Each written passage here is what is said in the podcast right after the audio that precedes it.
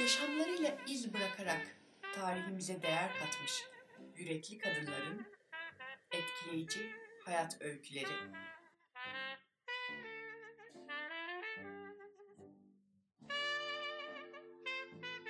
Efsane kadınların portresi başlıyor.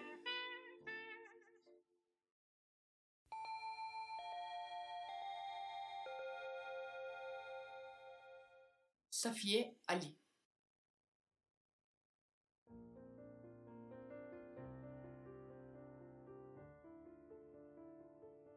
2 Şubat 1894 günü İstanbul'da dünyaya gözlerini açtı Safiye. Babası Abdülaziz ve 2. Abdülhamit'in yaverlerinden Ali Paşa, annesi ise uzun yıllar Mekke'de Şeyhülislamlık yapmış Hacı Emin Paşa'nın kızı Emine Hanım'dı. Küçük yaşta babasını kaybeden Safiye, annesiyle beraber dedesi Hacı Emin Paşa'nın konağında büyüdü.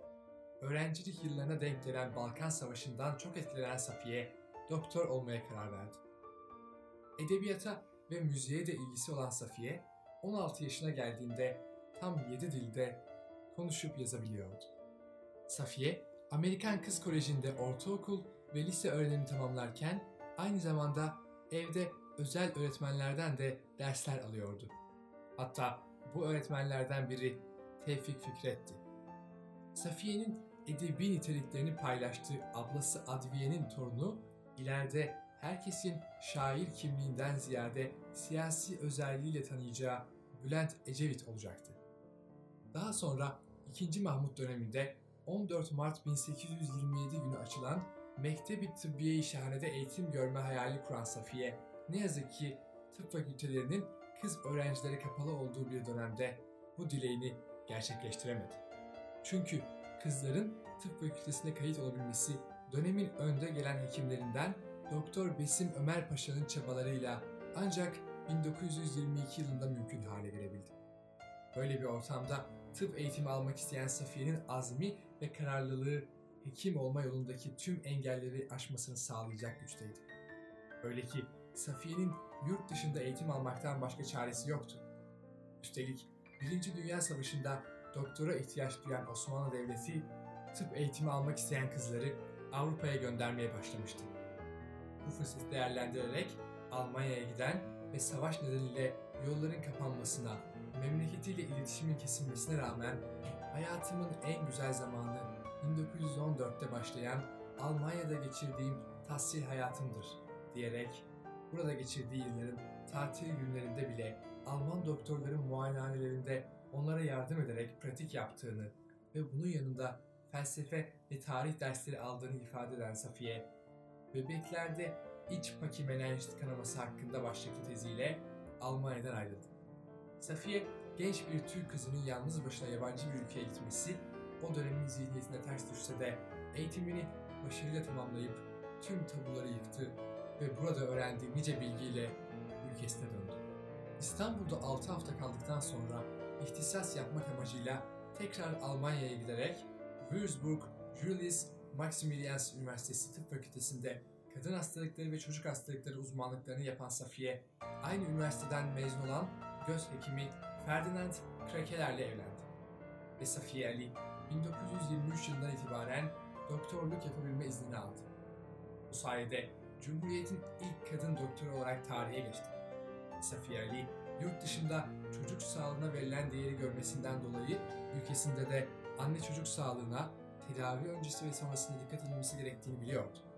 Bu sebeple hem çocukları tedavi ediyor hem de anneleri bilinçlendirmeyi önemli bir görev olarak görüyordu Safiye. Ayrıca Alman ve Amerikan elçiliklerinde özel doktorluk yapmanın yanında Amerikan Kız Koleji Tıp bölümünde jinekoloji ve obstetrik dersleri veriyordu. Çünkü Safiye Ali biliyordu ki öğrenim gördüğü tıp fakültesinde geleceğin hekim adaylarına bu değerli mesleğin usta çırak ilişkisiyle ilerleyerek insanlığa şifa sunan modern anlayışa evrildiği ve bu meslekte empati duygusunu yürekten hissederek sabırla, emekle, azimle başarıya gidileceği her açıdan anlatılıyordu.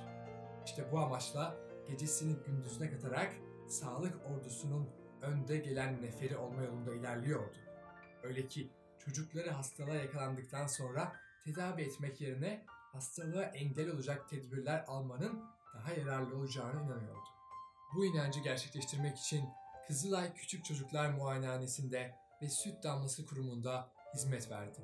Süt damlası, çeşitli nedenlerle anne sütüyle beslenemeyen çocukların hekim kontrolünde steril sütle beslenmesi amacıyla 1922 yılında kurulan önemli bir kurumdu ve Safiye Ali 1926 yılında bu kurumun müdürü oldu. Bir annenin yüreğiyle sütünün yerini hiçbir şey tutamaz. Anne sütü bütün sütlerden üstündür diyerek anneleri çocuklarını emzirmek için teşvik eden Safiye Ali bir başka fikir olarak çocuk müzesi kurmaya karar verdi. Öyle ki ülkede kullanılan çocuk bakımıyla ilgili eşyaları ve malzemeleri tedarik ederek bunları çocuk müzesinde sergileyen Safiye Ali aynı zamanda bu müzeye gelen annelere çocuk sağlığı konusunda sunumlar yapıyordu. Almanca, Fransızca ve İngilizce kitaplardan bilgiler derleyerek deneyimlerini Küçük Çocuklar Muayenehanesi ve Süt Damlası başlıklı kitabında anlatan Safiye Ali, bu eseri hazırlanmasında büyük destekleri olan Doktor Besim Ömer Paşa'ya ithaf etti. Tüm bunlara ek olarak İstanbul'da mesleğini icra ettiği yıllarda 3 uluslararası kongrede ülkesini temsil etti Safiye Ali. Bunlardan ilki 1924 yılında 18 ülkeden 300 kadın doktorun katılımıyla Londra'da düzenlenen Uluslararası Kadın Doktorlar Cemiyeti'nin kongresiydi. Kongrede farklı uluslara mensup kadın doktorlar arasında birlik sağlamak, kadın ve çocuk hastalıklarına karşı tedbirler almak gibi konular dile getiriliyordu. Kongreye Türkiye Cumhuriyeti adına katılan tek kadın doktor olmasını eleştirenlere şöyle yanıt verdi Safiye Ali. Ben burada hali hazırdaki kadın doktorları değil, yakın bir vadede yetişecek olan kadın doktorları temsil ediyorum. Aynı yıl Budapeşte'de gerçekleşen bir başka kongreye Doktor Besim Ömer Paşa ile birlikte Kızılay delegesi olarak katılan Safiye Ali, yoksul İstanbul çocuklarının işler arası durumundan ve ilkokul çağında beslenme yetersizliğinden kaynaklanan hastalıklardan söz ederek İstanbul'da küçük çocuklardaki ölüm oranının yüksekliğine dikkat çekti. 1928 yılında Bolonya'da yapılan kongrede ise çocuk hastalıklarından ve çocuk ölümlerine karşı yürütülen mücadeleden söz eden Safiye Ali, kendisiyle yapılan bir röportajda kadınlar için toplumsal ve genel olarak koruyucu hekimlik anlamında yapacak çok işler daha vardır. Her memlekette doktorluk geleceği parlak bir meslek olmuştur. Biz kadınlar için de böyle olmamasına dair hiçbir sebep yok. Biz henüz bir tecrübe devresi geçiriyor olabiliriz. Ancak bu mesleğin Türk kadınları için daha da önü açık bir meslek olduğunu bizden sonra gelecek olanlar göstereceklerdir. Diyerek kendisini mesleğine adadığını ve alçak gönüllü olduğunu gösteriyordu. Bununla birlikte aynı kongre sonrası yaptığı bir başka açıklamada tüm ön yargıları alt üst etmek adına şunları söyledi Safiye. Bu kongre sayesinde büyük bir zevk ve iftiharla Türk kadınının geçmişin esaret zincirlerini kırıp paslı izlerini sildiğinden, hiçbir örneği görülmemiş ilerleyişinden ve başta gazi olmak üzere Cumhuriyetimizin kadınlara karşı yaptığı tüm fedakarlıklardan söz etti. Yıllar geçti ve takvimler 1928 yılını gösterirken ne yazık ki Safiye Ali kansere yakalandığını öğrendi. Tedavi için eşiyle beraber Almanya'nın Dortmund şehrine gitti ve başarılı ameliyatın ardından hekimlik mesleğini yapmaya devam etti. İkinci Dünya Savaşı sırasında Almanya'da hekimlerin savaş nedeniyle cephelerde olması Safiye Ali ve eşinin sivil halka hizmet vermelerini sağladı. Öyle ki mermi ve bomba sesleri altında hastaları muayene etmeyi sürdüren Safiye Ali, memleketini çok özlüyordu. Bu yüzden İstanbul'a gelerek Kadıköy'de yerleştikleri evin bir kısmını muayenehaneye çeviren Safiye Ali ve eşi ne yazık ki Safiye Ali'nin hastalığının yükseltmesi sebebiyle Dortmund'a geri dönmek zorunda kaldı. Eşi Ferdinand, Safiye Ali'nin moral bulması için ona kırmızı renkli güzel bir araba satın aldı. Ve pek çok kez eşiyle beraber kırlara gidip doğanın sessizliğini dinleyerek mutlu olmaya çalıştı Safiye Ali. Ancak her şeye rağmen ikinci kez kansere yakalanmanın güçlüğüne dayanamayan ve maalesef tedavi sürecine de cevap veremeyen Safiye Ali 5 Temmuz 1952 günü hayata veda etti.